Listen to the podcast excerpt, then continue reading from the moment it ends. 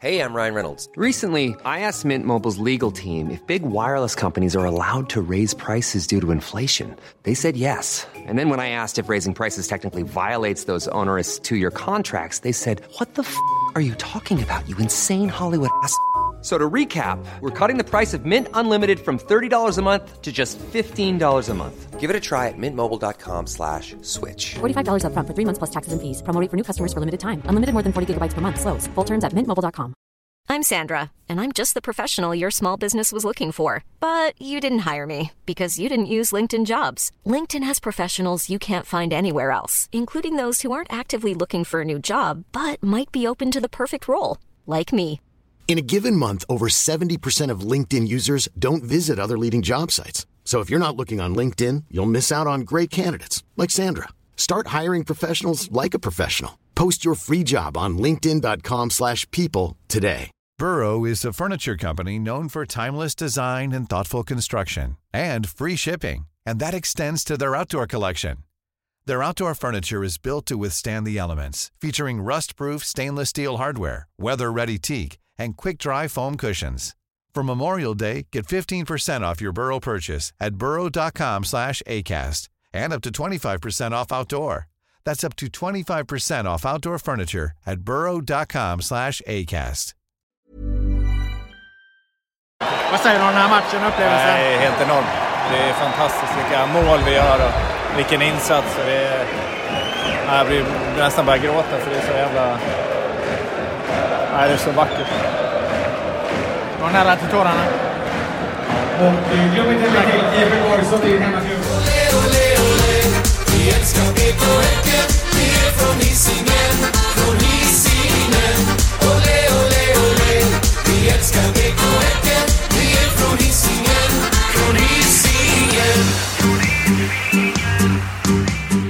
Hej välkomna till GPs fotbollspodd som ännu så länge saknar ett namn, men där vi diskuterar Göteborgsfotbollen i allmänhet och Göteborgsfotbollen i synnerhet.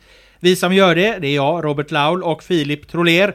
Men Filip kommer in lite senare i avsnittet. Idag har jag nämligen åkt över Guldbron till Guldön och befinner mig på guldträningsanläggningen med Guldlagets veteran, trotjänare, kapten, kulturbärare och numera även historiska Häckenguldspelare Erik Friberg. Välkommen!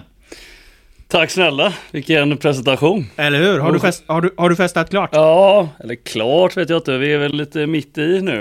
Eh, Det blev eh, två dagar i rad där så att eh, men lite lugnare igår, var hemma hos farsan och hade lite kräftskiva och sådär så att Idag är man inte jättepigg men Du petade in en kräftskiva på, på guldfirandet också. Alltså. Det, var, det var det som behövdes eller? Ja men lite så. Det var, det var lite tufft att komma upp i, igår så att eh, Då åker man hem till mamma och pappa så får de eh, ta hand om en. Nej men det är, eh, nej vi eh, lever ett bra liv här ute på GPA just nu. Det förstår jag.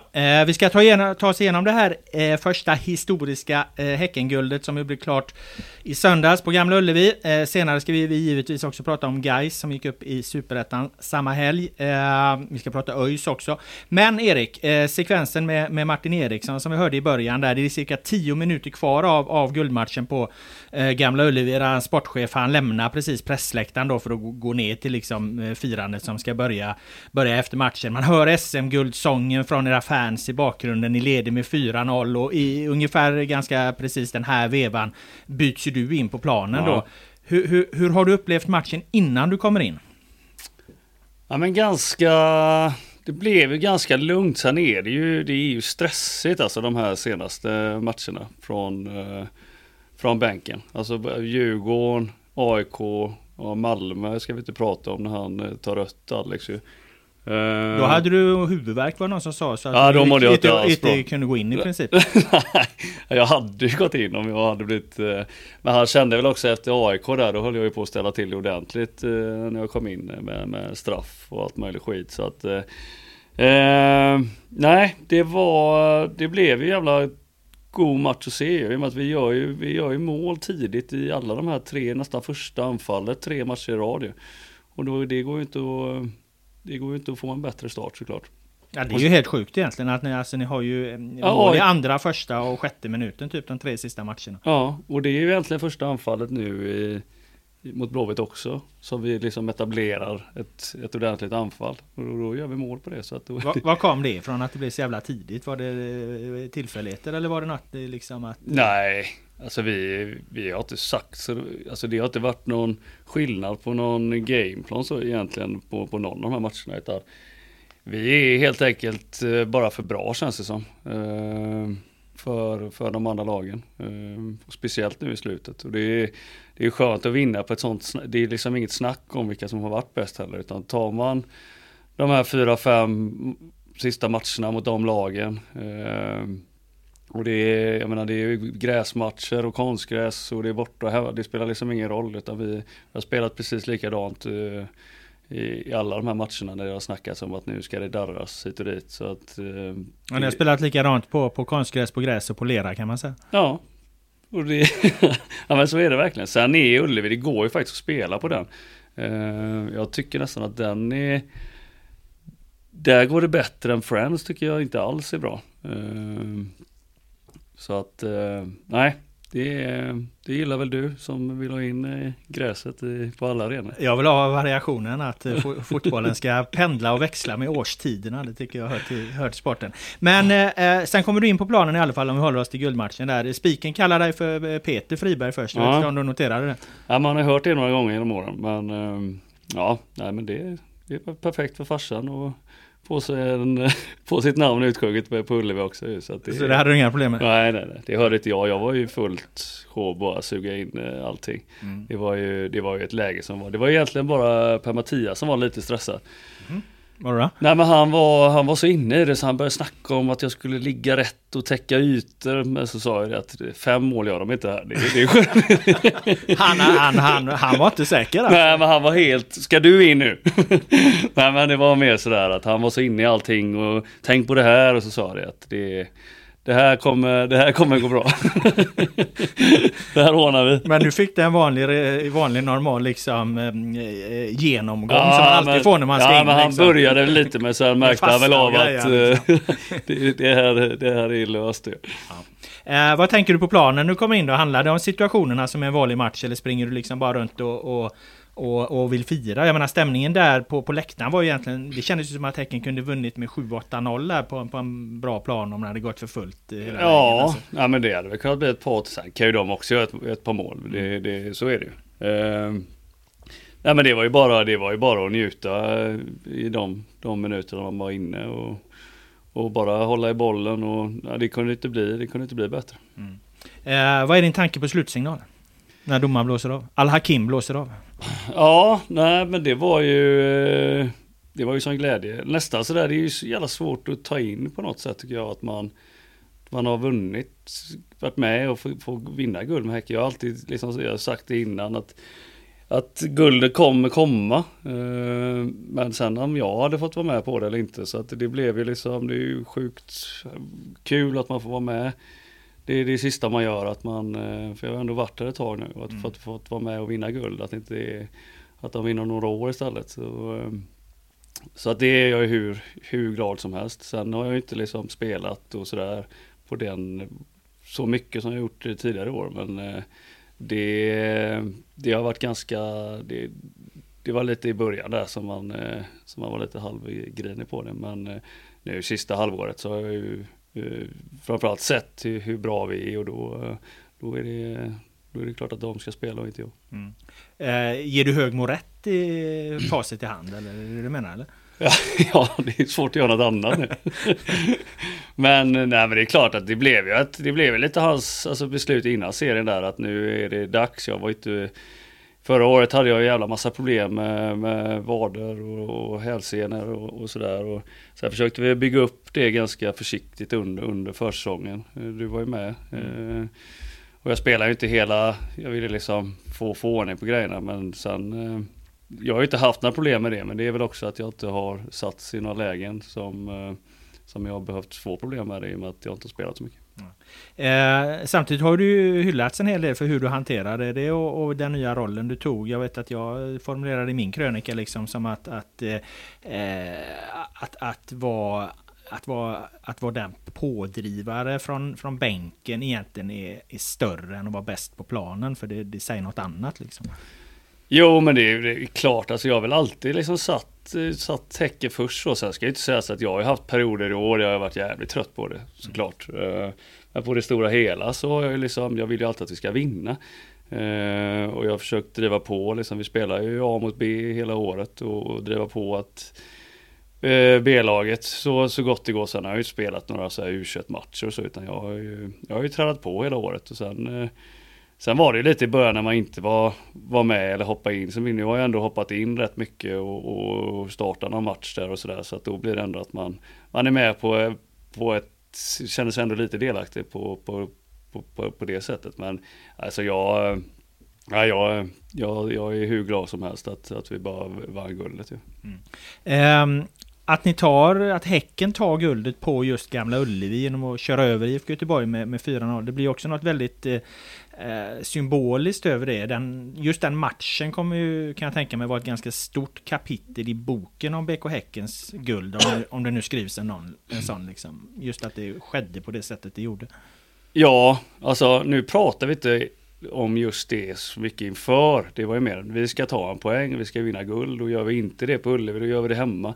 Men det är klart så här i efterhand så, fan om man är, man är uppväxt här i, i Göteborg och, och, eh, och håller på Häcken så är det klart som fan att få vinna ett guld på, på Ullevi, det, det blir ju inte större än så. Mm. Uh, och sen har vi varit uh, bättre än, än IFK på på planen de, de senaste 5-6 åren. Eh, eller varit före dem i alla fall, eh, förutom förra året då.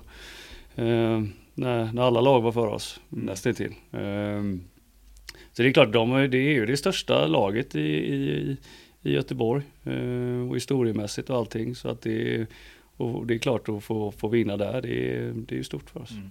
Eh, var det tronskifte vi såg då, apropå det då? Att ni möts här nu liksom när den ena är på väg upp och den andra är på väg ner? Eller vad? Ja, men ja, de är så pass stora liksom, så att man vet att eh, förr eller senare här så kommer de, de kommer tillbaka och är med i toppen och de kommer vinna guld också framöver. Det är jag helt övertygad om. För de, det, det är sån kraft i det. Men sen, det är klart att det har ju tagit det har ju tagit längre tid än vad, vad det bör göra, eh, tycker jag i alla fall. Sen eh, ska jag inte lägga mig i vad, vad de gör på det sättet. Men det, det är liksom en, det är storklubb, det är klart att de ska vara med där uppe.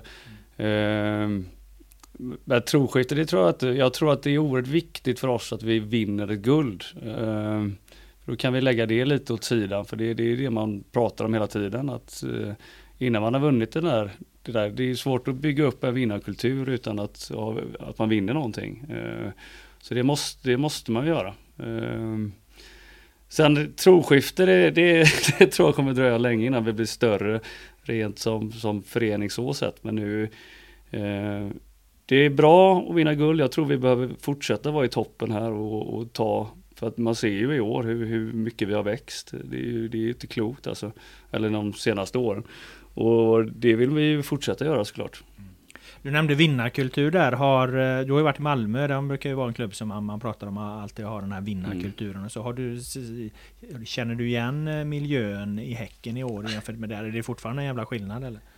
Ja, det är svårt, det är ju folk runt omkring egentligen. Jag menar vinnarkultur. Vi, jag tror det är viktigt att vi har vunnit de här kupperna vi har gjort på senare år. Men sen är det ju liksom, det är ju bara spelare. Jag tycker vi har den bästa elvan just nu och då då, då är det lätt att man vinner. Eh, de stora lagen som har vunnit mycket har oftast de bästa lagen och då blir det lätt att man pratar om vinnarkulturen så, men vad är, jag menar, du kan ju värva ihop eh, spelare som har vunnit på, på, på andra håll och det har vi många i vårt lag som har gjort. Eh, det är ju inte alla klubbar som har så många mer SM-guld i, i, lagen än vad vi har heller, så det är jävla svårt det där med, med vinnarkultur. Men det är klart som, som förening så nu, då sätter man ju, nu vet vi hur det är att vinna guld. Och det är mm. klart att det, den här vill vi åt igen nu, när man, när man har gjort det. Och det hoppas jag att vi eh, kan göra. Mm. Eh, vi ska backa lite bara till matchen och- innan vi släpper den helt där. För det var ju liksom ett gäng maskerade eh, megatöntar på andra klacksidan här som hade förberett sig för att eh, rusa in om Häcken-fansen skulle fira. Eh, Ja. På inne, inneplan finns en del bilder på det på sociala medier. Så nu stannar Häcken-fansen kvar. Ni firar med dem där. Det har ju Häcken-fansen fått lite kritik för i vissa forum att det inte blev någon sån här traditionsenligt firande på innerplan.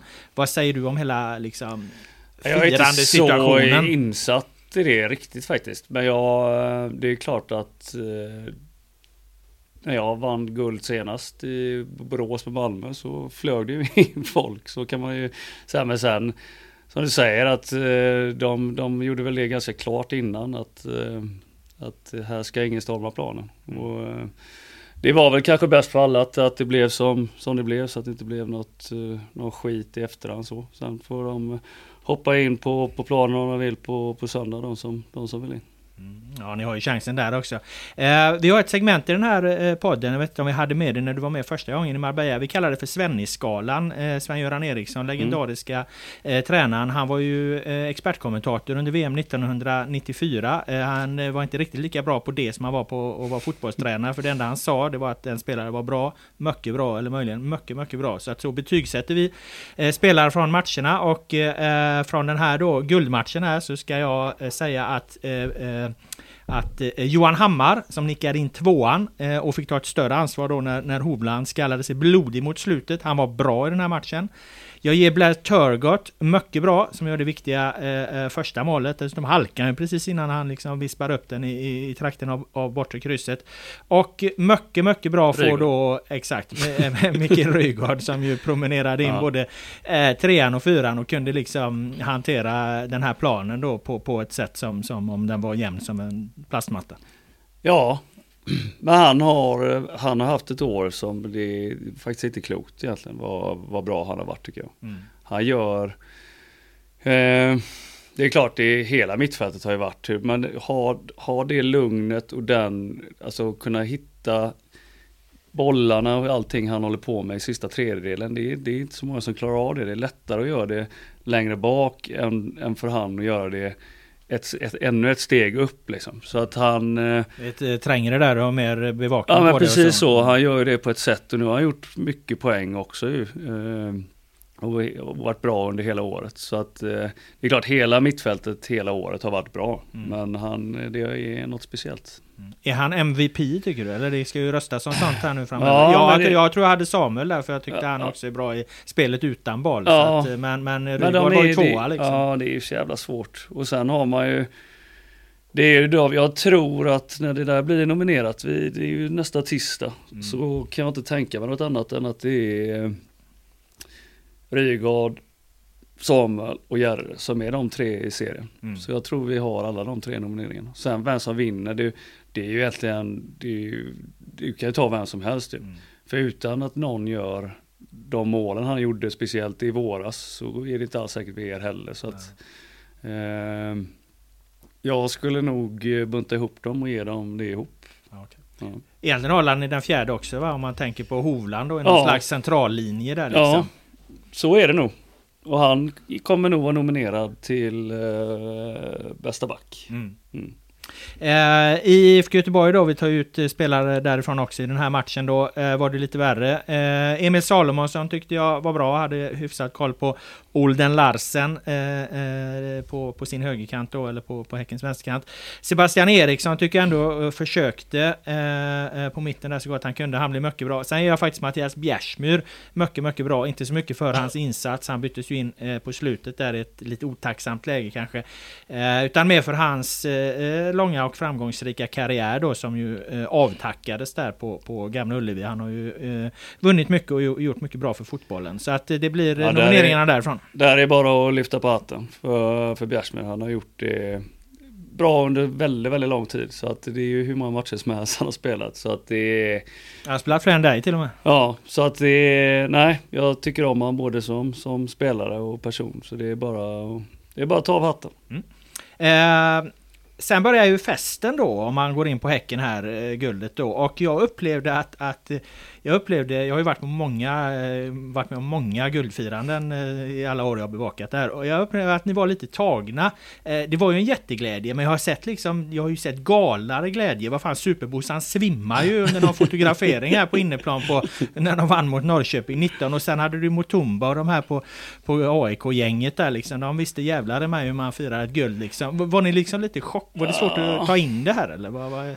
Ja det var det såklart. Men jag tyckte vi gjorde det på ett, eh, på ett helt perfekt sätt faktiskt. Mm. Det var alla var med eh, länge också. Det var liksom, eh, det var, jag tycker det var en bra nivå på det. Mm. Sen är det ju... Ja det kanske blev vildare framåt kvällen. Ja det blev det ju definitivt. Där var ju inte alla med hela vägen, så, så kan man ju säga.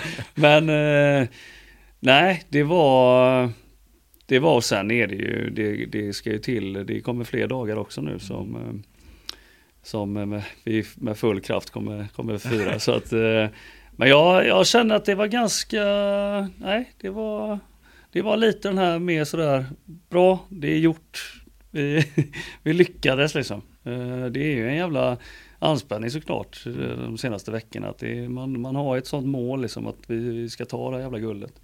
Och gör man det då så är det mer sådär, bra. Ehm, jag får bara en, en, en, känsla av att Johan Hammar han inte går längst bak i ett, i ett segerfirande eller? Eh, Nej han är, han är vass. Ja. Jag tycker ju att eh, ledarna också var eh, bra på det ja. sent. De visar, visar karaktär. Med, ja, men med Martin var ju han firade på. Det var ju Jeppe Ljung och, och Foyston och Jordi och gänget. De var, det var Bra liga. okay. eh, halv special checkarna där såg vi bilder på också. Är det den nya officiella eh, SM-guldmaten för BK Häcken här nu då eller? Så är det. Mm. Sen eh, det finns någon historia om den som jag inte riktigt har koll på. Det trodde jag att du hade. Ja, nej, men vi, vi nämnde det innan mm. där. Eh, men visst, det, det, det, så är det. Jag har, har läst den. Om det är hissingen ja. eller om det är någon Häcken-koppling. Nej, jag tror att det är hissingen-kopplingen ja. i grund och botten är det. Så, att... så det är såklart. Så att det det hoppas man att eh, det blir fler sådana. Sen eh, hörde vi ju, eller såg vi bilder på också från, eh, om det var, ja det var både från loungen i Bravida där ni käkade och, och Park Lane sen framåt kvällen och att den här John Guidetti-låten spelades en del eh, till, till, till allmänt muntra tillrop. Vad, vad tänker du där? Ja, nej det är väl någon som tyckte att det var kul och, och dra upp det igen. Så att det, nej jag vet inte vem som, som höll i det. Men det det tycker jag DJn gör, gör bra faktiskt. Okej, okay, varför det? Nej men det är ro, roligt bara. Det blir en rolig grej under ja, säsongen det där fan. eller? Ja det är klart, det var ju Det gjorde ju ni journalisterna på ett eh, jävla roligt sätt tycker jag. Eh, och drog igång det. Så att, eh, Vad menar du då? Nej men den, hela den intervjun med John i Mixade blev ju nästan lite episkt tycker jag. Uh, vill du utveckla? Nej, nej men du, du vet ju själv, det var ju du, du som kom med de, de, eh, de lite luriga frågorna efter ett tag när han var igång. Men det, herregud, han var ju, det är ju sånt som händer. Men det var, eh, han blev lite avklädd där. Eh, när, han, eh, när han pratade om vad, vad, vad Jerry hade sagt och inte vad, vad han hade sagt. Jag tror inte han räknade med det riktigt, att ni hade hört det.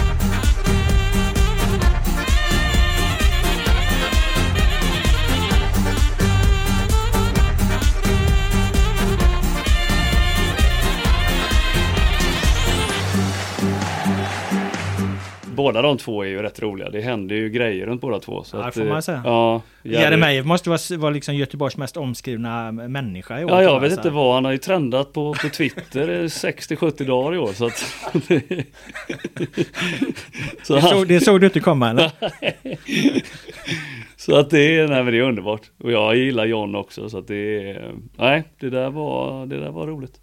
Um, att det har varit mycket, mycket uppmärksamhet kring och så. Så normalt är man väl inte riktigt van vid det i Häcken kanske. Men det, det, det är ju lite som du är inne på där. Uh, Jeremejeff trendat på Twitter och, och uh, mer omskriven än någonsin tidigare. Ja men det blir ju så när det, när det när man är så bra som vi har varit. Jag menar nu, det är ju bara att kolla på dig. Du har ju punktat oss här i det, en månad. Mm, det hade du inte gjort om vi låg femma och då, då händer det ju grejer. Den, det har ju varit lite, det har ju varit lite cirkus här i veckan. Det var ju någon media, eh, någon radiosporten som var inne på plan när vi spelade 5 och 5 och sådär. Så att, det är ju sådana Var som- in, innan guldmatchen eller? Ja men det Okej. var, det var vi det efter eh, Malmö-matchen när vi som inte spelade, hon skulle in, jag vet inte fan, hon stod på linjen där.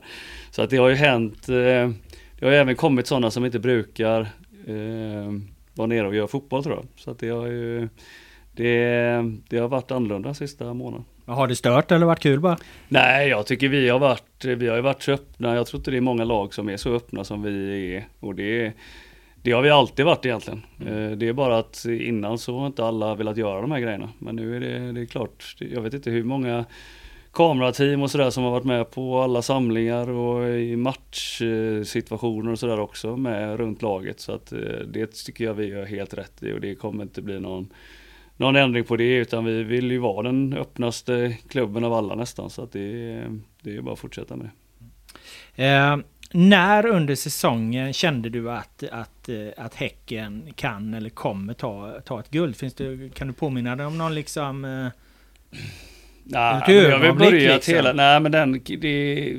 Sirius hemma är ju en match som man, det ser man ju inte ofta. ja, 4-3 är där. Ja, när vi åker slutet. på en utvisning och vi försvarar och de gör 3-3 i 90, 90 plus och det är bara ett avspel kvar och vi lyckas på något jävla vänster gå upp och göra 4-3 då, då känner man väl att det här, det här är något annat.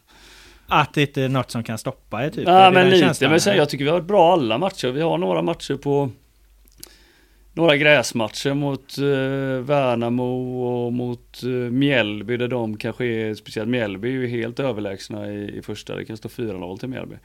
Men vi lyckas ändå vinna de matcherna och då, det brukar ju tyda på att eh, då, då är man ofta med länge. Och sen är det ju mot topplagen har vi ju varit, varit eh, hur bra som helst egentligen. Du nämnde tidigare där att, att eh, har man det bästa laget, den bästa elvan, så, så eh, vinner man till slut ofta. Finns det någon annan guldnyckel du känner är viktig att, lyfta fram just den att... Eh, eller är det så enkelt, vi hade de bästa spelarna, därför vann vi? Ja men det är väl allt, alltså från, från Martins jobb såklart. Det är så många nya om man ser till förra sommaren egentligen. Som har, som har kommit in och då det är, ju- det är ju inte så lätt att bara, ja men nu gör vi ett guldlag det här. Det, det brukar ju ta några år när man, man får in så mycket nytt. Eh, men det, satt, det satte sig med, försäsongen var väl sådär egentligen. Eller lite blandat. Eh, sen satte det sig, jag tror den AIK-matchen var oerhört viktig för oss. Att vi, att vi slår dem ganska komfortabelt i, i första. Och sen har det egentligen bara ridit, ridit på hela, hela vägen. Med, förlorat noll bortamatcher och, och två totalt än så länge. Så då är det ju, då är man värd att vinna guld. Eh, nu är ni tillbaka här i träning då efter ett par dagars eh, firande. Sen är det match mot eh, söndag. Eh, match på söndag mot IFK Norrköping. Eh, handlar det om att servera Jeremejeff öppna lägen så han, eh, så han inte hotas i skytteligan där då eller? Så lär det väl bli att vi kommer vilja att han gör något, något mål till såklart. Jag vet inte, det är väl några mål till. Antonsson har 20 och han är på 22. Ja, men även om han gör 24 eller något så har väl inte hänt på väldigt, väldigt länge. Va? Ja just det, det är sen, eh, det är sen eh, Lill-Dammar Mattsson Ja. tiden där på 70-talet i öster kanske. Ja, så att... Eh, men sen är det ju så här, får vi straff så är det ju min sista match så då kanske jag tar den från, eh, från Jerre. Så. Även om ni har rapporter om att Antonsson har gjort två i, för Värnamo. Nej jag skojar bara. Det, det finns inte en chans att jag tar någon straff. Men jag kan nog gå fram och skrämma han lite att jag, jag vill ha den. Ja, ja, okej. ja, där har vi din plan. Ja. Eh, apropå dig då så kommer ju du hedras också av både fans och klubben i samband med den här Norrköpingsmatchen. Förutsätter jag i alla fall. Eh, eftersom det blir ju din... Det blir din sista match i Häcken helt enkelt på, på, på söndag här då. Ja, det blir min sista match eh, i något lag såklart. Det blir ju ingen, det blir ingen mer fotboll nu så att eh, Inte ens i Ja, det Skorpen eller? Ja, det skulle väl bli Oldboysen hos Billa. De har ju varit och ryckt lite igen nu under några år här. Så Ja, att, okej. Ja, eh, nej, Du men har det redan ska, nya erbjudanden på bordet alltså? Ja, men det blir, blir, en pengafråga. så är det med allt. Ja. Nej, men eh, nu, nej, det är klart, det blir ju fantastiskt att och få, eh, få spela lite grann i, i, i den matchen. Och när guldet är klart och allting. Så att det, nej, det, det blir ju inte bättre. Men är det verkligen över då? Fan nu ska ju Häcken ut i Champions League här. Ska du inte komma med beskedet här nu att eh, fan, Friberg har ändrat sig. Han kör på ett år till. Nej, nu är det, nu är det klart. Så är det. Så att, eh, men däremot ska det bli jävla kul att, att se dem nästa år. Och det känns som att truppen kommer vara minst lika bra nästa år. Det känns som att man sitter på kontrakt med, med de flesta. Eh, sen är det ju alltid att man tappar ett par, så är det. Men då är det ju bara att och eh, värva ihop. Det, jag tror inte du behöver liksom, det blir ingen massflykt så riktigt. Utan jag tror att man kan välja lite själva vilka man eh, ska behålla och inte. Ja, jag gjorde ett litet snabbt överslag på det kring den förstärkningsfrågan. Jag tänker att du försvinner ju då. Eh, Sadik kanske, kanske får något här. Det varit lite snack om det. Jeremejeff har det varit snack om i hela säsongen egentligen. Och eh, Lund är det en del snack om också. Han är ju ung, ung vänsterback där. Det har det varit lite rykten från USA bland annat. Eh, och då kan man ju tänka sig att, att det hade, hade man kunnat se Leo Sota tillbaka till exempel som gjort det bra i Häcken tidigare. Jag funderar lite på, på IFK Göteborg. Har en ledig målvakt i Warner Hahn snart kanske. Eh, Taha Ali har gjort det jävligt bra i Helsingborg. Skulle nog kunna fungera bra på en, på en kant i Häcken. Vi har Värnamo har vi ett par där. Magashi på mitten. Bland annat Marcus Antonsson kanske som en eventuell Jeremejeff-ersättare. Antonsson är lite svag mot låga försvar dock. Vad tänker du om mina spekulationer? Ja, det är ju ditt jobb ju. Jag tror inte att man... Eh, allting handlar ju bara om vilka som är kvar ju. Så att eh, det finns nog listor på vilka som... Eh, om han säljs så har man nog en lista på hur man eh, vill få in. Men så länge alla är kvar, det är inte säkert att någon... Någon går, det beror ju på vad, vad, eh, vad det kommer för, för bud och sådär på, på de här spelarna. Men sen är det klart att eh, när man, när man har vunnit så det kommer komma bud och det är, det är viktigt för, för klubben också att sälja, sälja spelare. Men du har sett en del allsvenska matcher i år. Du har ju mött, eh, mött eh, alla lag så att säga. Mm. Eh, är det någon spelare från årets serie Oj. som du tänker fan den här hade varit fin att få in till Häcken nästa år? Nu ska du ju sluta så det är ju odramatiskt för dig. Ja, nej, jag får vara... Ingen sås. Ja. ja, det är ju en massa Gustavssons överallt i serien som är bra tycker jag. Men nu vill vi inte ha någon innermittfältare tror jag till nästa år om det inte händer något. Men vi har ju både i, i, i Mjällby och i eh, Kalmar. Eh, och så även Rosenqvist i, gillar jag i, i Mjällby. Eh, men det är de, alla de du sa där är väl eh, är ju bra spelare såklart. Men det, det blir ju liksom ett, det blir ju vilket behov som finns. Om, om det säljs en, en mittback så då måste man ha in en mittback och sen ha det med, med utlänningar och svenskar och sådär att göra också. Sen Eh. har vi ju liksom en sån som Beni kommer tillbaka till eh, i slag förmodligen i, i mars, april där när han är igång igen. Och då, eh, han såg ju hur bra som helst ut i, på, på försäsongen så att eh, det, det känns som det, det, ser, det ser bra ut. Eh, K- eh, eh, eh, vad heter han? Carl Gustafsson, Mm. han, du tänkte på. Han är Mm. ju fin som fan. Jag tror Väldigt han bra. skulle gå, gå i, i somras här men... eh, Han går nog utomlands tror jag. Ja. Men nu frågar du bara. Ja, ja absolut. Ja, men det är bra. Då har vi Fribergs drömnamn där. Är han lite... Ser du det lite av dig själv i honom? Nej, men han är jävla duktig. Men sen det är väl om, eh, man vet ju inte. Jag menar med Samuel och Simon nu, Simon har ju inte varit där så länge, men med Samuels år så eh, finns det, är det väl inte helt otänkbart att någon klubb vill ha honom. Nej. Nej, så han- borde det vara. Ja. Men sen vet jag inte om han, eh, han förhoppningsvis så är ju han här länge. Mm. Eh, men de är ju liksom i, i sin prime eh, egentligen. Mm. Att det är otroligt att vi, att vi ens har dem här. Vad, utöver att spela i Hovås Bildals Old Boys då, vad ska du göra framöver? När du Ja. inte fotboll? ja, vi får se lite. Jag har ett nätverk som heter Ben som finns i Stockholm som jag är med och kommer driva från eh, 17 november. Eh, sen har vi väl pratat lite med ja, i Häcken om det. Men det har vi sagt att det här kommer vi nog sätta oss ner efter eh, när det har lugnat ner sig lite om eh, någon vecka eller, två och se om, eh, om det finns något eh, man kan göra här. Eh, om vi tar de två där bara. Vad sa du att nät, det var ett nätverk som heter Ben? Vad är i Ja. Stockholm? Vad är, vad är det du gör Business Event Network. Nej men det är ett företagsnätverk där vi eh, försöker ha kul och, och hitta nätverk mellan eh, beslutsfattare på, på olika företag som vi, eh, där vi träffas ett, ett gäng gånger per år och eh, som har funkat väldigt bra i Stockholm. Där vi eh, drar igång i, i Göteborg nu om, om några veckor. Där vi har fått en, en bra start med, med, med ett bra gäng som, som redan är, är med. Så att, eh, Och där är din roll? Nej, jag är med som, som ägare och kommer jobba med det under, under året som, som, som kommer. Eh, sen får vi se lite om jag, om jag bara gör det eller om jag vill in i, in i något annat också. Mm. Det, det är inte riktigt klart. Eh, och Häcken nämnde du där också då. Vad tänker du dig eh, då då? Är det liksom vilken del av klubbverksamheten är du intresserad av? Är det tränarsidan eller, eller eh, sport, alltså, sportchefssidan? Eller är det liksom mark marknadssidan? Eller Ja, är det nej, det blir- styrningsdelen? Eller? Det blir nog ingenting på plan i alla fall. Inte tränare Nej. i någon form? Nej. Nej, men sen eh, får vi väl se. ja men det är svårt att säga.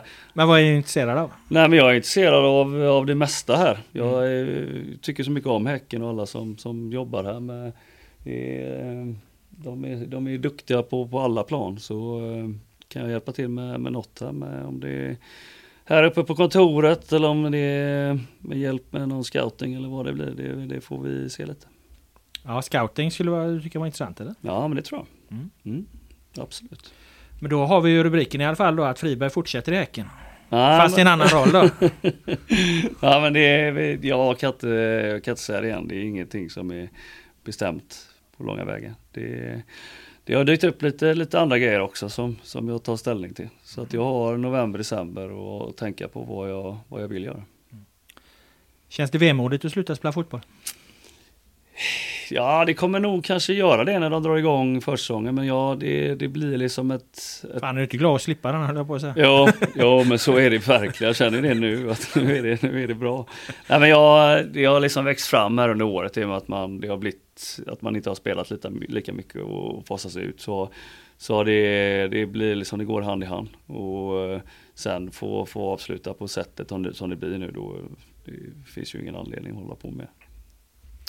Erik Friberg, du var gäst i vår första podd i år i Marbella i februari. Där emellan har ju en allsvenska passerat och BK Häcken har vunnit SM-guld. Tack för att du kom hit och knöt ihop säcken. Tack själv! Skönt att slippa övriga också från, från första podden. Utan att det bara är du och jag nu som sitter och Linus och gänget är borta. Fick du in en liten passning till honom också. Så är det. Vår historia börjar här på en ö vi håller kär Tillsammans är vi starka, vi är från Hisingen är alla välkomna, här får vi alla plats. Vi hejar och sjunger, Häcken är vårt lag? Kom igen, kom igen, vi är på gång. Hör vår sång. Olé, olé, olé. Vi älskar BK Häcken, vi är från Hisingen Från Hisingen. Ja, där var Erik Friberg eh, som ju avslutade intervjun jag gjorde med honom med att skicka en liten passning till våran gamle kollega Linus Pettersson. Det har vi inget emot Filip, nu när du är med i studion här. Det har vi aldrig något emot att Linus får några, några, några tryckare men han la väl till gänget där också. Jag vet inte om jag och Jan Lind och övriga också inkluderas där. Det verkar bara vara dig han vill eh, köta med helt enkelt. Ja, ja, det har vi heller inget emot eh, får jag väl säga då. Här var så strångt av, av, av Friberg att när han fick chansen att avsluta på, på något sätt så, så var det med en liten passning till Linus i alla fall. Det, det får vi ändå eh, hylla honom för. Det gillas. Eh, det har ju varit en otrolig fotbollshelg i Göteborg måste vi ju säga. För det är ju inte bara allt det här med Häcken och deras historiska guld som jag och Friberg pratade om där. Vi har ju Gais också som gick upp i Superettan och Filip du kan ju fan inte ha sovit mycket den här helgen för du var på plats på, på båda ställen här. Vilket eh, firande var vildast egentligen? Ja, nej, det är korrekt fakta att det blev inte många timmar sömn eh, den här helgen. Eh, jag får väl säga att eh, nu, svårt att jämföra eftersom jag var inte med hela vägen på de sista timmarna eller på själva guldfesten för Häcken. Eh, det jag kan konstatera är att det var ett jävla go på, på Gais eh, fest, både på firandet nere i Lund där det blev planstormning och en jävla stämning eh, med, med spelare och supportrar och sen också när eh, spelarna anlände till eh, fansens stamhak på Kyrkogatan där John Scott Eh, eh, och firade tillsammans. Det är ju en rätt häftig lokal där med lite olika våningar och sådär och eh, de hängde på räckena, spelarna på andra våningen och Grozdanic med flaggan och det var bara överkroppar och det var eh, Fide Holmberg, eh, kung i baren och, och Niklas Karlström likaså. Så det var, ja det var, det var ett sjuhelvetes firande på Gais i alla fall. Jag vet inte, av bilderna att döma så det väl ut som att det var jävligt bra på Häcken också. Ja, alltså Friberg var inne på det här i en intervju när jag pratade med honom om att, att jag tänkte att en sån som Johan Hammar borde, borde ta täten i, ett, i en segerfest. Det känns som att Hammar har liksom en ta täten i guldfester-aura runt sig liksom. Så att, eh, men Friberg menar på att, eh, att ledarna tydligen hade varit jävligt starka i Häcken. Alltså Martin Eriksson, Foyston, en, en britt liksom. Eh, att det var, det var liksom snarare de som liksom kanske satte ner flaggan sist. Jag vet inte om det var samma i Gais. Det var ju faktiskt så, även om det var ett gäng spelare, August Wengberg och Niklas Andersén och de här rutinerade, de var taggade till tusen, Jocke Åberg, eh, Myggan, det var flera, men allra mest taggad var, var nog huvudtränare Fredrik Holmberg. Han var, eh, han var riktigt jäkla lycklig och på gång och, och Niklas Karlström var eh, där bakom också, så det var ledarna, ledarna som var riktigt starka på, på Gais fest också. Inte fan vad det säger om dagens eh, fotbollsspelare, de är alldeles för städade kanske. Antagligen, antagligen, lite så. Eh, men eh, vad fan, jag tänkte på det, det blev, det var intressant för att det här Gais-firandet, det drog ju, det var ju lite udda för det blev ju klart innan matchen spelades. Det, det, man pratar ju om att bli mästare i kavaj och allt sådana här grejer liksom, men då är det ofta en dag när man inte ska spela. Här kommer ticka resultatet in då eh, precis innan avspark i princip. Det är lite udda. Ja, det är verkligen eh, udda. Man, när man snackar runt med lite Gaisar och sådär så kunde de till och med kosta på sig att säga att fan hade velat att vi skulle säkrat det själva där liksom och, och, och sådär men naturligtvis var de otroligt lyckliga och det var ju ganska, alltså en ganska fin scen. Vi var ju på plats på Klostergårdens IP långt innan avspark och eh, precis när första eller andra supporterbussen rullar in på, på arenan där så är det klart då en mil norrut att, att Torn har kryssat mot Falkenberg så de brände ju av raketer och, och, och bengaler och ett jävla tryck i sången när de kliver ur bussarna. Så det var, det var liksom som en karneval som rullar in på, på, på idrottsplatsen där. Och, och de var ju ett jäkla gäng på plats också. Det var över tusen gaisare, så det var, det var häftigt att se. Det var en, eh, faktiskt en, vi sa det på vägen hem, jag och Janlin när vi satt i, i bilen, Fredrik han, han var ju också med där nere, att Ja, det är lite sådana här dagar man eh, faktiskt, eh, alltså kommer minnas eh, från sitt jobb, att få, få se så mycket glädje och eh, eufori liksom på, på första parkett och när man då dessutom har fått vara med och följa dem i hur det har varit när de har varit som värst nere i skiten. Det, det är ändå sånt som man verkligen kommer att bära med sig i, i, i minnet. Mm. Eh, det spelades ju en match där då eh, sent om sidor också. Jag vet inte om, om, om, om eh, du har några större analyser av den egentligen, om du ens har en Svennis-skala eller vad det är så mycket att säga om den. Men eh, kanske mer koncentrera oss på eh, avancemanget i stort. Eller jag vet inte, vill du, har du något om matchen? Nej men alltså det man kan konstatera var ju att det blev ju en lite, alltså det blev en rätt udda match också. Alltså jag vet ärligt talat inte ens hur fan det gick. För det enda som, det enda som har nått mig är, är att de gick upp sen. Men match, jag, hur fan blev det? Ja det blev 1-1. 1-1 jag, jag, jag ska vara ärlig och säga faktiskt nu när jag tänkte jag skulle summera matchen och sådär så tänkte jag, ja Rasmus Wendt då tidigare Häckentalang, han gjorde Lunds mål. Men vem fan gjorde liksom Gais mål? Då har jag ändå suttit och här Du fick inte ens ihop det i en liksom en fakta Nej, det resultatbörsen. Det var typ så. Nej men allt fokus var ju liksom på det här firandet och sådär. Men eh, sen kan man väl ändå säga att jag tycker jag trodde nog att Guy skulle vara lite mer piano liksom i matchen. Fredrik Holmberg stod ju vid bänken och betedde sig som att allting fortfarande stod på spel. Han skällde ut spelare, han kallade till sig spelare, det var taktiker hit och dit. Eh, både jag och Janne sa, vad fan håller han på med? Luta sig tillbaka. Han sa så, när vi frågade honom efter, men match är match liksom. Jag måste, det är 100% sen så firar vi liksom. Det var jävligt roligt att du säger det för att nu, nu, nu när vi sitter där så har inte du hunnit höra Friberg-intervjun. Men han pratade om Högmo när han, när Friberg, när han blev inbytt här, de leder ju med 4-0. Mm. Ehm, och Högmo börjar ju liksom med fasta situationer och bara liksom är stissig som fan och Friberg sa ju till, fick säga till honom med, med för fan alltså de, de gör inte fem va. Och då backade Högmo lite liksom. Men det verkar, det är, tränarna är väl så jävla Ja, inne i det tills ja. eh, det är väl någon yrkesskada liksom. Alltså man, man oavsett, man tar inte ut något i, i, i, i förskott. Nej, nej precis. Det, det var, och det är kanske också det som gör att de sen firar så jävla hårt hårt, hårt liksom för att de,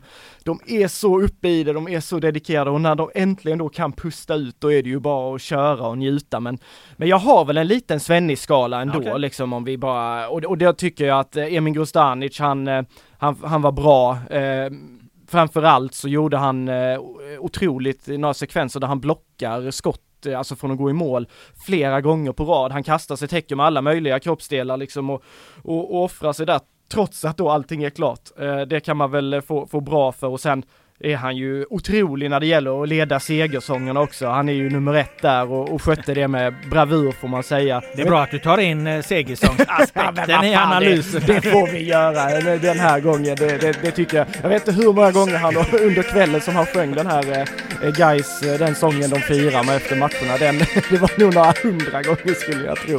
Men han var bra i alla fall.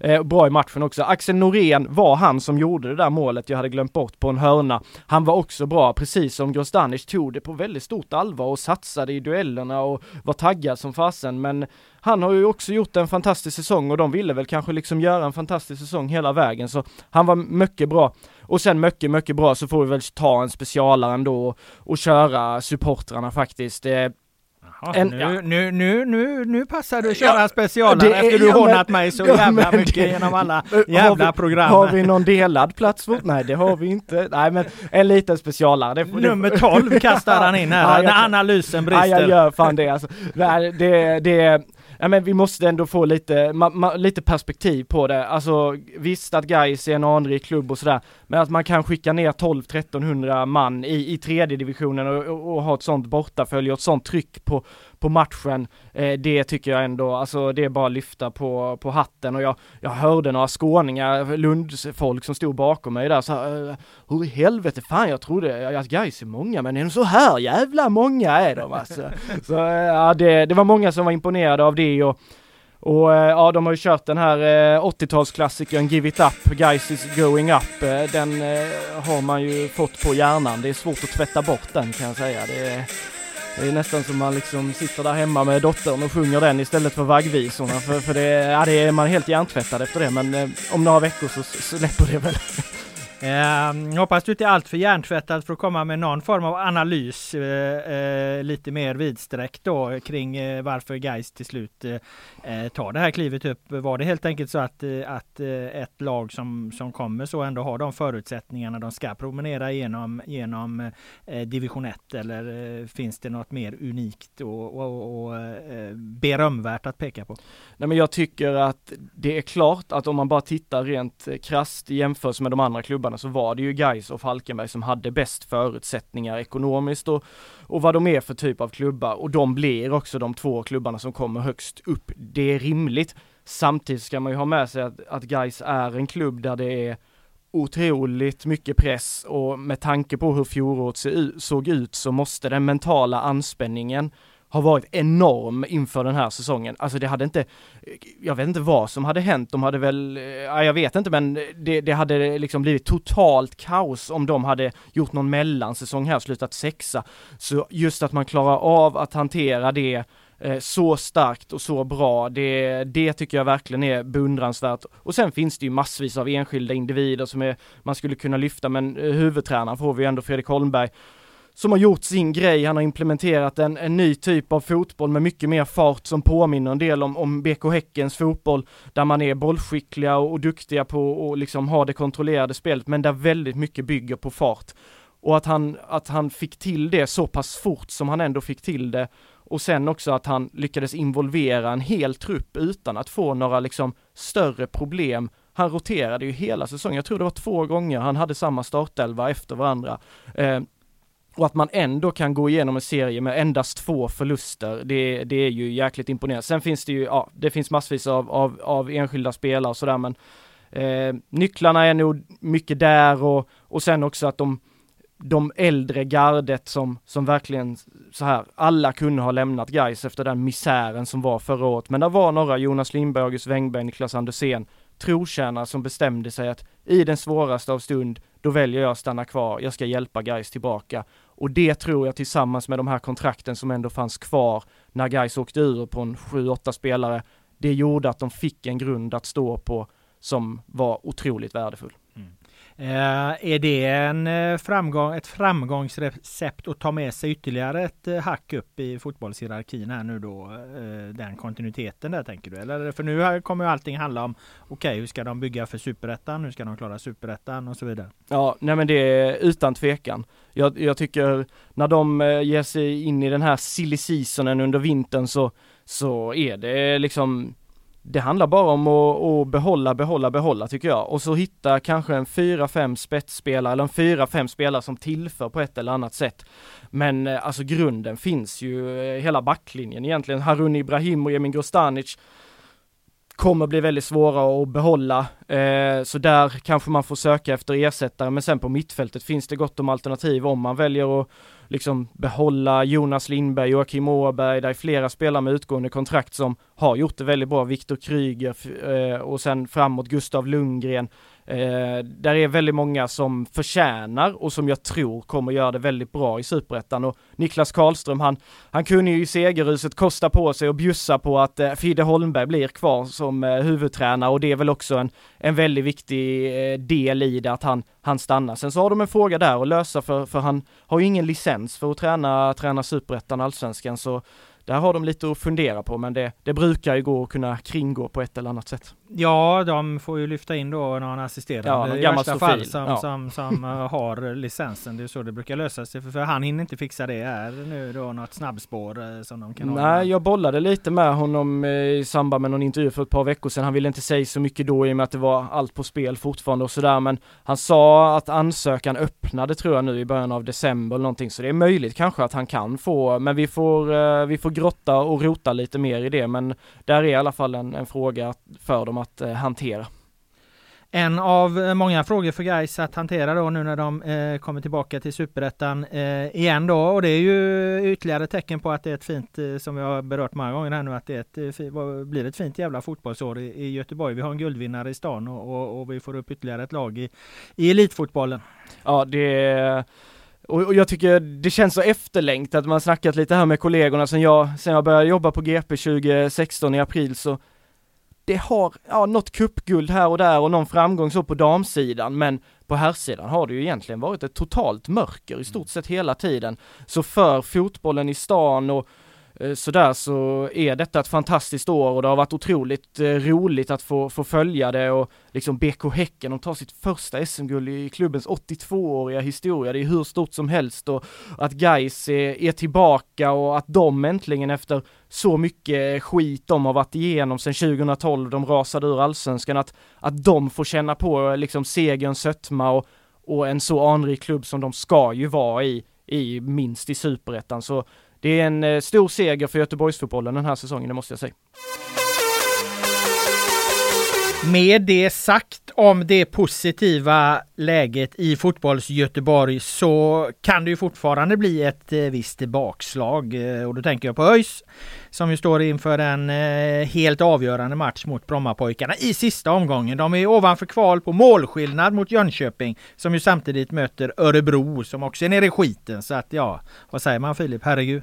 Ja, men superettan ska väl vara superettan hela vägen in höll jag på att säga så. Det är, det är klart att det ska vara dramatik i slutomgången i bottenstriden i superettan. Det är aldrig ett år utan dramatik i sista omgången när det kommer till bottenstriden i, i näst högsta serien.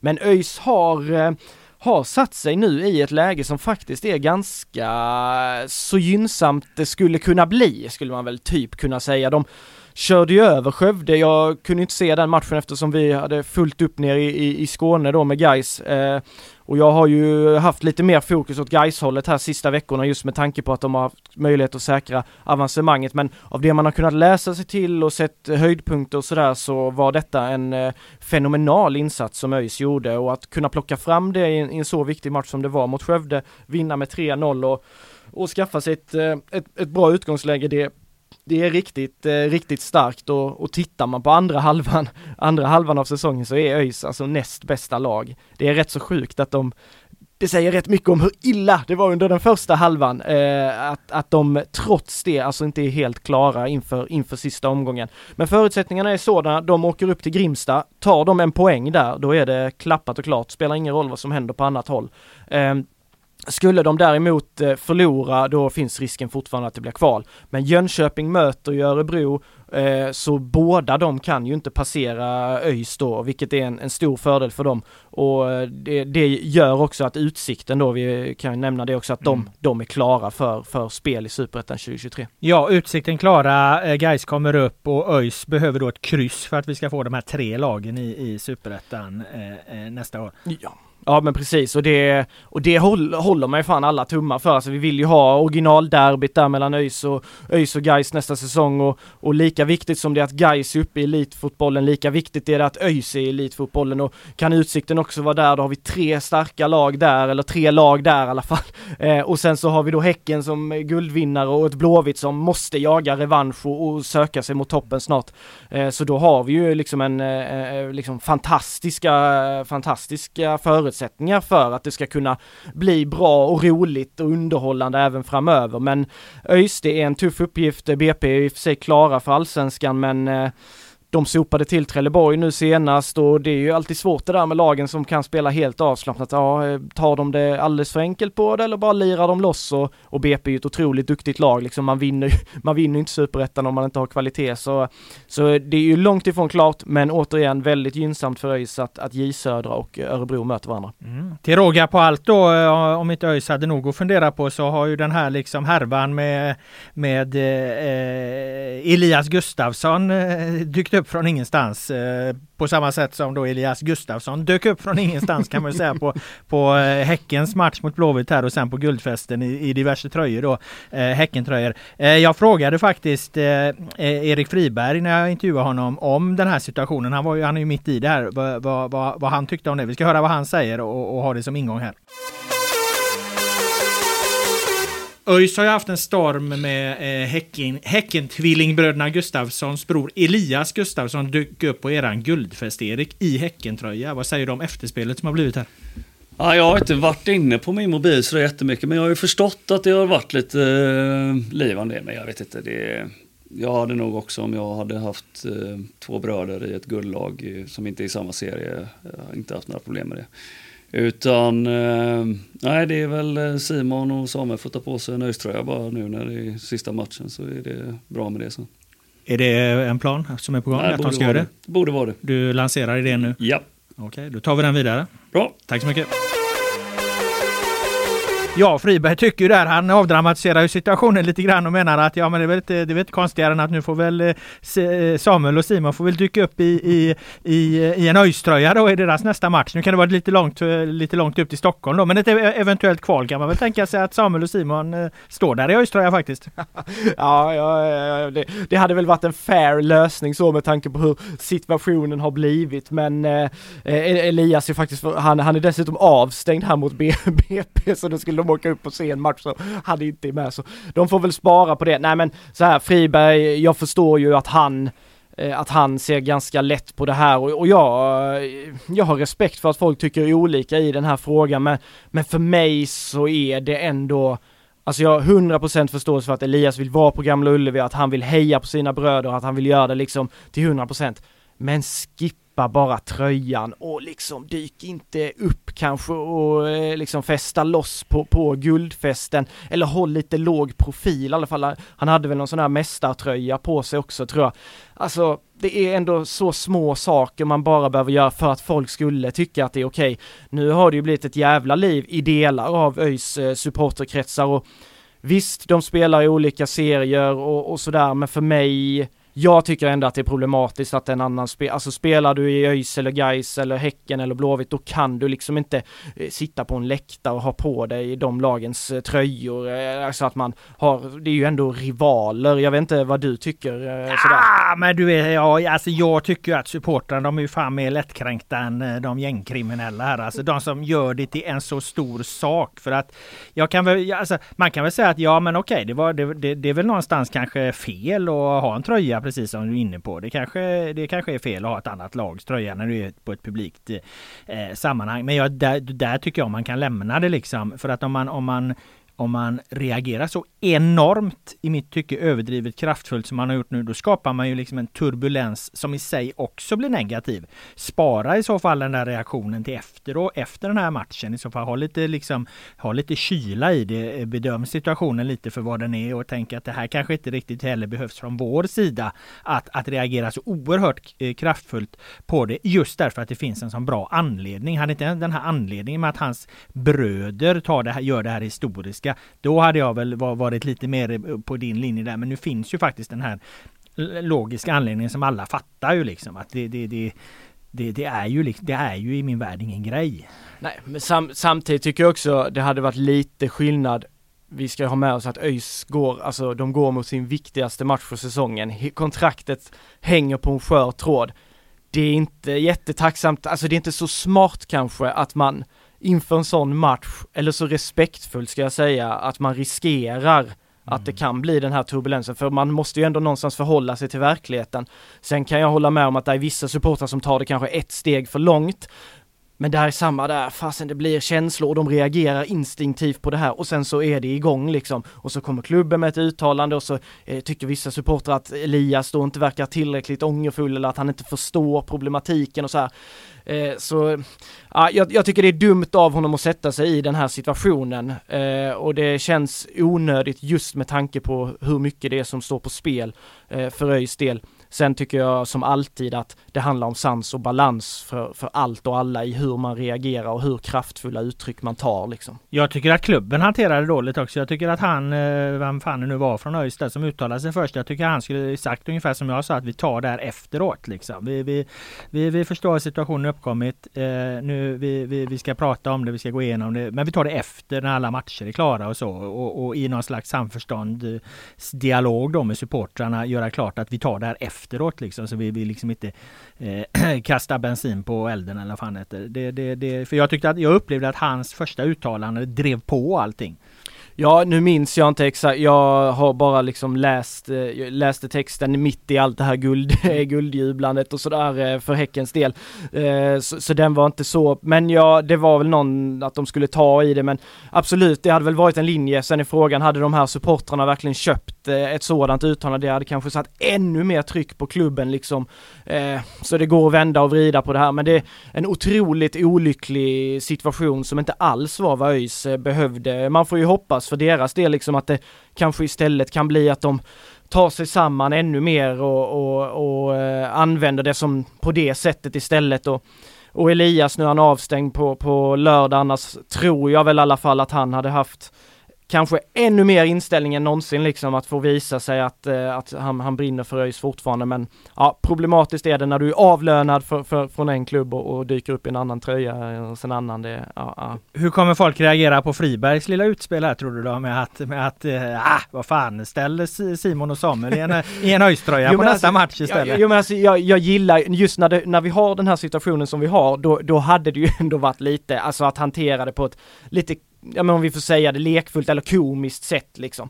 Eh, men annars, jag vet inte riktigt hur den kommer mottas. Det är mm. svårt att säga alltså. Mm. Eh. Ja vi får se, vi ska, vi ska väl lägga ut den så småningom här. Eh, vad har du mer för tankar inför, inför eh, ÖIS BP? Eh, om vi lämnar Tröjgate, eller vad man kallar det. Ja. Har fått något gate-namn än.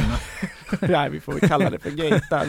Det var ju apropå, om vi tar en sista vända där med tröjor, det var ju en Gais-spelare som sprang runt i AIK-tröja i, i somras på Way Out West eh, och då blev det Josef Fayad där, då blev det ju också ett jävla liv liksom. Så, och det hade man väl... Ja, det kan jag ha mer förståelse för att det blir, för det finns väl ingen anledning att göra. Alltså, det var inte så att hans bröder spelade i Gnaget, de hade nej. vunnit sitt historiska guld liksom. Det, det, eller som när, vad var det, Jurgi, Nikola Djurdjic dök upp på, på var det Guldfesten där? Ja, i, i Stockholm. Var det AIK? Ja, ja, det var det. var nog Djurgården i alla fall. Ja, det, var, det var ett jävla liv i alla fall. Ja. Så att eh, då finns det liksom ingen anledning till det. det, det min bottom line är ju någonstans här att det, är en sån jävla stor grej liksom och så är det hans bröder här va. Så att, ja. så att jo, alltså. då kan jag förstå att det blir liv, mer livat med han Gaisan där. Ja, jo, och samtidigt då var det vissa som, ja men AIK och Gais det är ju så långt ifrån varandra, de har inte mötts på så här, bla bla bla. Men vi kan ta det till, till leda. Vi släpper det, fokuserar mm. på matchen. Eh, jag tror att ÖIS har, eh, med tanke på den formen de har nu och Isak Dahlqvist är on fire och, och, och försvarsspelet ser väldigt stabilt ut. De, eh, ah, alltså de ska, de ska kunna fiska till sig en, en pinne där uppe och eh, det är, är det så att de misslyckas med det då får de väl hoppas att J Söder inte vinner och förutsättningarna som jag ser det, oddsen eller vad man ska kalla det, är väl ändå att nu inför den sista avgörande matchen så ser det ändå ganska ljust ut. Samtidigt, jag såg att Brynja Gunnarsson, han blev nominerad till månadens tränare här. Senast han blev nominerad till månadens tränare, vad hände då? Tre raka torsk för ÖIS. så eh, ett dåligt omen kanske, men eh, det, det, det vore väl larvigt att, att sätta sin, liksom, sin, eh, dra det som något, någon, någon parallell grej där. Men jag tror att de har goda möjligheter att ta en pinne mot BP. Då hoppas vi att du har rätt och eh, kommer givetvis eh, följa upp det eh, framöver. Utsikten berörde vi där. BK Häcken FF har vi inte så mycket att säga om här och nu eftersom det, det lever ju liksom in i det sista för dem också kring andra platsen då. Europa-kval har de ju säkrat. IFK Göteborg berörde jag och Friberg en del där men precis innan vi gick in här och satte oss och skulle spela in den här podden, vi har inte riktigt planerat in det, men då kom ju det uppgifter om att Blåvitt söker eh, Micke Stares eh, eh, efterträdare eller ersättare. Det var ju så det kommunicerades ut från eh, eh Fotbollskanalens källor var det väl. Eh, vad, vad, såg du det och vad tänker du? Ja, jag noterade detta. Eh, det var ju lite Ja men alltså lite luddigt så liksom, det var ju, och det är säkert sanningsenligt, det är inte så jag menar utan men det var liksom, det låter lite luddigt från, från Blåvitts håll då men det, det öppnar väl en dörr att eh, den här avslutningen och den här säsongen i stort är naturligtvis inte något som IFK Göteborg kan vara nöjda med, även om det i perioder har sett väldigt bra ut och att det fanns hugg på toppen en, en bit in på säsongen. Så sättet man avslutade på, eh, alltså det är ju det är ju så alltså sanslöst pinsam insats mot Häcken. Att man... Men är det inte bara att de är så jävla jo, långt efter då? Jo nu, men det, det, det, eh, det, är det kanske och, och, och Häcken är... Alltså häcken de har vunnit alltså, med 7-0 Ja, ja, absolut. 8-0. Jag vet. Jo, alltså absolut. Häck, och Häcken är de är så sanslöst bra, alltså de är ju mästare av en anledning. Alltså, de har ju sopat mattan med alla här nu på slutet och, knappt förlorat på hela året, så det är klart att man ska ha, ha med det, men hur Blåvitt ändå, att de inte kommer åt dem bättre. Och jag tycker några av målen är så här, det är bara använd hjärnan lite mer så lyckas ni få stopp på det där, om det är 3-0 mål eller någonting, går i någon eh, liksom halvt misslyckad press där ingen följer med upp, lämnar en ocean av yta till Rygaard där som han kan promenera på det, så det var ju, det var ju, spelar ju med huvudet under armen eller vad, vad, vad brukar man säga? Ja, ja. ja eh, och där, alltså Stare måste ju någonstans vara högst ansvarig för det och sen att man har förlorat mot Sundsvall, Helsingborg, Degerfors, alltså de sämsta lagen i serien. Eh, nej, det, det gör att jag förstår faktiskt. Jag brukar vara väldigt så att vi måste hålla hårt i tränarna, kontinuitet och så vidare och, och jag vill väl inte säga att jag tycker att Stare ska få kicken. Det, det beror på lite vad som händer här under, under vintern och vad, vad Blåvitt har för plan framåt men någonting måste ju göras, någonting måste ju förändras i tankesättet. Jag tycker att det känns som att Micke Stare står och stampar i sin tränargärning här och nu. Mm. Jag tror så här utifrån den här fotbollskanalens uppgifter då. Jag är inte så säker på att, att eh, jag tror säkert att de har rätt att IFK Göteborg letar tränare. Jag är inte så säker på att det innebär att Stare är borta ur ekvationen. Jag har ju en teori om att Micke Stare, eh, han har ju redan flaggat i intervjuer för att han inte har eh, eh, orken att stå nere på fotbollsplanen i så många år till. Han har gjort det sedan han var typ 15 och nu är han ju snart, eh, vad fan är han, 50 så att jag menar eh, eh, och han, han, att han kanske mer vill ha liksom en övergripande roll, en managerroll. Och de har ju ingen, ingen sportchef. Vi vet att Håkan Mild, eh, klubbdirektör och, och Stare är tajta. Så jag, jag, jag, tror att det här kan, kan, kanske mer kan handla om något slags mellansteg här, att man tar inte in en ny sportchef, man gör Stare till manager och man tar in en, en tränare eh, som mer blir ansvarig för det dagliga nere på planen då, att det är den tränaren man ska in här. Eh, där har det ju ryktats som han eh, Stefan Lundins grabb från, vad fan var det, Trollhättan eller vad fan det var från. Mm, eh, om det nu blir han mm. eller om de ytterligare letar efter ytterligare tyngd i namnet då. Eh, det låter jag vara osagt osagt, men jag skulle kunna tänka mig att det, det är så. För man behöver ju någonstans också, man behöver lösa hela den här sportchefsvakuumekvationen. Ska inte en sån stor klubb som IFK Göteborg, ska inte de ha en, ska inte de ha en mer direkt ansvarig för värvningar? En sportchef, en manager, någonting. Alltså jag tycker det är lite konstigt att de inte har det. Det, det är klart att det går. Elfsborg kör en sån modell, men, men jag menar Häcken är extremt framgångsrika med Martin Eriksson. Eh, du har sportcheferna Superbosse och, och Jesper Jansson och, och, och uppe i Stockholm och så här. Alltså Malmö FF får ju för fan två sportchefer i princip. Så att jag menar det, det, det där är en sån jävla viktig roll liksom så att eh, någon måste ta den, om det blir Stare som tar den i en managerroll, man tar in en ny tränare eller att man hittar en, en sportchef och, och Stare får gå. Jag vet inte, men, men jag tror att det lutar mer åt den här managerlösningen i så fall. Ja, alltså jag tror du har en, eh, att det absolut skulle kunna vara en teori att, att, att det är så det är tänkt. Eh, för Stare är ju fortfarande, alltså det är ju en det är ju en fotbollsklok människa och känner han själv att det där drivet att vara tränare, vilket man förstår, förstår när han har varit det så länge, att det inte riktigt finns där och som sagt, han står lite och stampar är, är min bild av det.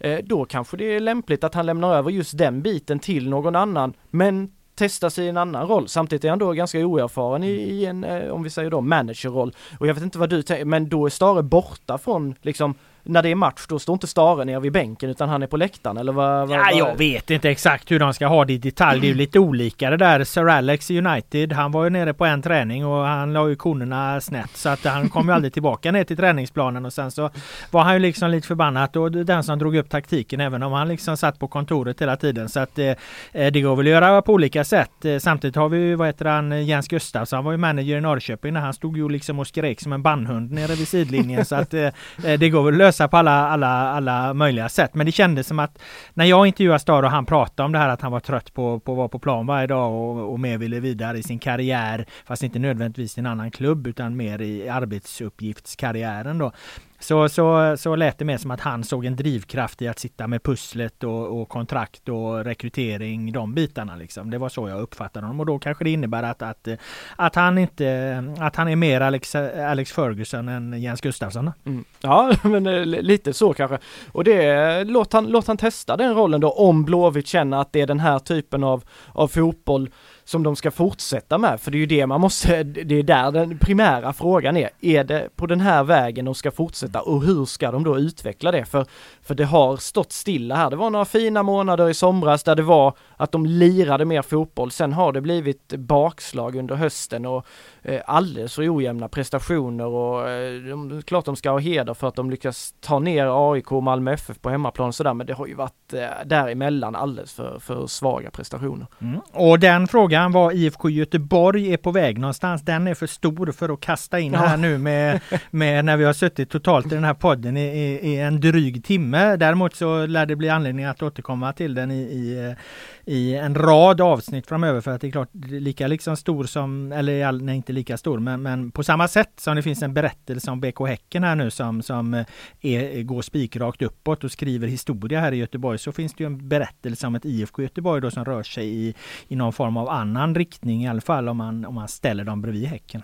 Ja, jo men lite, lite i sidled får man väl säga att det har blivit. Det var inte tal om någon bottenstrid i år och det, det är väl då ett, ett fall framåt men det ska ju aldrig vara tal om någon bottenstrid för en så stor och, och mäktig aktör som IFK Göteborg. Eh, men att de bara seglar runt här i mitten och, och inte ser något vidare. Alltså nej, som sagt sidled. Det, mm. det, tyvärr så det ser ut för, för Blåvitt då. Ja, de har ju, de har ju fortfarande oerhört stark eh, uppslutning på, på eh, läktarna. Ja, jag menar, och du fyller de eh, bussar här och eh, bortaläktare mot Värnamo och allt vad det är. Det var mycket folk på derbyt och de hade ju ett, ett, ett djävulskt ambitiöst tifo och allt så här. Men jag tror inte att det är IFK Göteborgs identitet. Man kan inte nöja sig med att man ska vara Göteborgs Bajen liksom. Att Nej. man bara är ett publiklag som aldrig vinner någonting. För det går liksom på tvärs med hela, hela Blåvitts identitet som ju är att vara en topp och vinnarklubb. Jag tror inte IFK Göteborg vill vara Göteborgs Hammarby? Nej, alltså de, tittar vi på titlar, det är ju bara Malmö FF som är vassare och alltså i Blå, Blåvitts självbild är ju att de är störst, bäst och mäktigast liksom. Och i, i det är naturligtvis publiken en enorm kraft och, och det har vi ju hyllat några gånger tidigare men det kan man ju nämna igen, liksom det är fantastiskt alltså att de kan ha ett hemmasnitt på nästan 15 000 åskådare den här säsongen där de, alltså ändå stora delar inte har kontakt med toppen och Gamla Ullevi, de flesta flesta matcher, vad tar den, 17 000 eller någonting. Eh, och, och, så som de har slutit upp, det, det är ju ändå, det innebär ändå att det finns fortfarande en jävligt stark bas liksom att ta hjälp av och, och sådär, men det måste ju liksom innanför, in på kontoret, väggarna där, det är där det måste börja hända saker. Och till slut så kommer ju annars eh, också den här starka basen av engagerade supportrar falla av, även om många är jävligt trogna så eh, och att de har gått i motsatt riktning nu så, så till slut så, alltså mattas ju ändå en klubb om aldrig framgångarna kommer när du är så jävla van vid framgången. Det är bara att titta på ÖIS liksom som i liksom en historisk kontext, vad är det, 12 SM-guld eller någonting. Nu har de varit och sladdat länge i de lägre divisionerna då. Då är publiksnittet på 1800 eller 1700 liksom. Det, det, det, det, kan gå ut för om det aldrig går framåt liksom. Mm.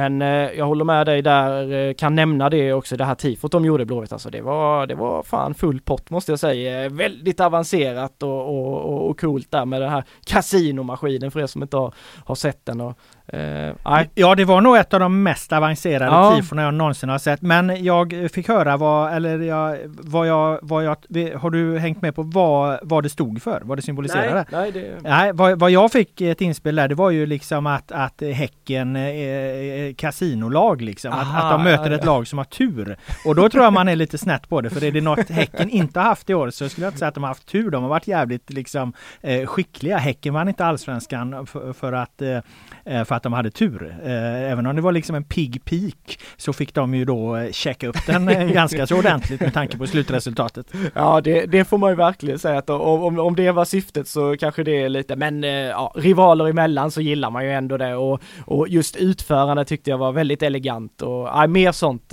sånt älskar vi. Ja, eh, med de orden så eh, stänger vi igen butiken för idag då Filip, om du inte har något mer att tillägga. Annars eh, tackar jag dig här för dina som vanligt kloka åsikter och synpunkter. Jag tackar alla er som har lyssnat och podden utan namn är tillbaka nästa vecka. Ha det bra! Vad säger du om den här matchen och upplevelsen? Nej, helt enormt. Det är fantastiskt vilka mål vi gör och vilken insats. Det är, jag blir nästan börjar gråta för det är så jävla... Nej, det är så vackert var nära till tårarna. Och glöm inte att lägga till Gävleborg som din hemmaklubb.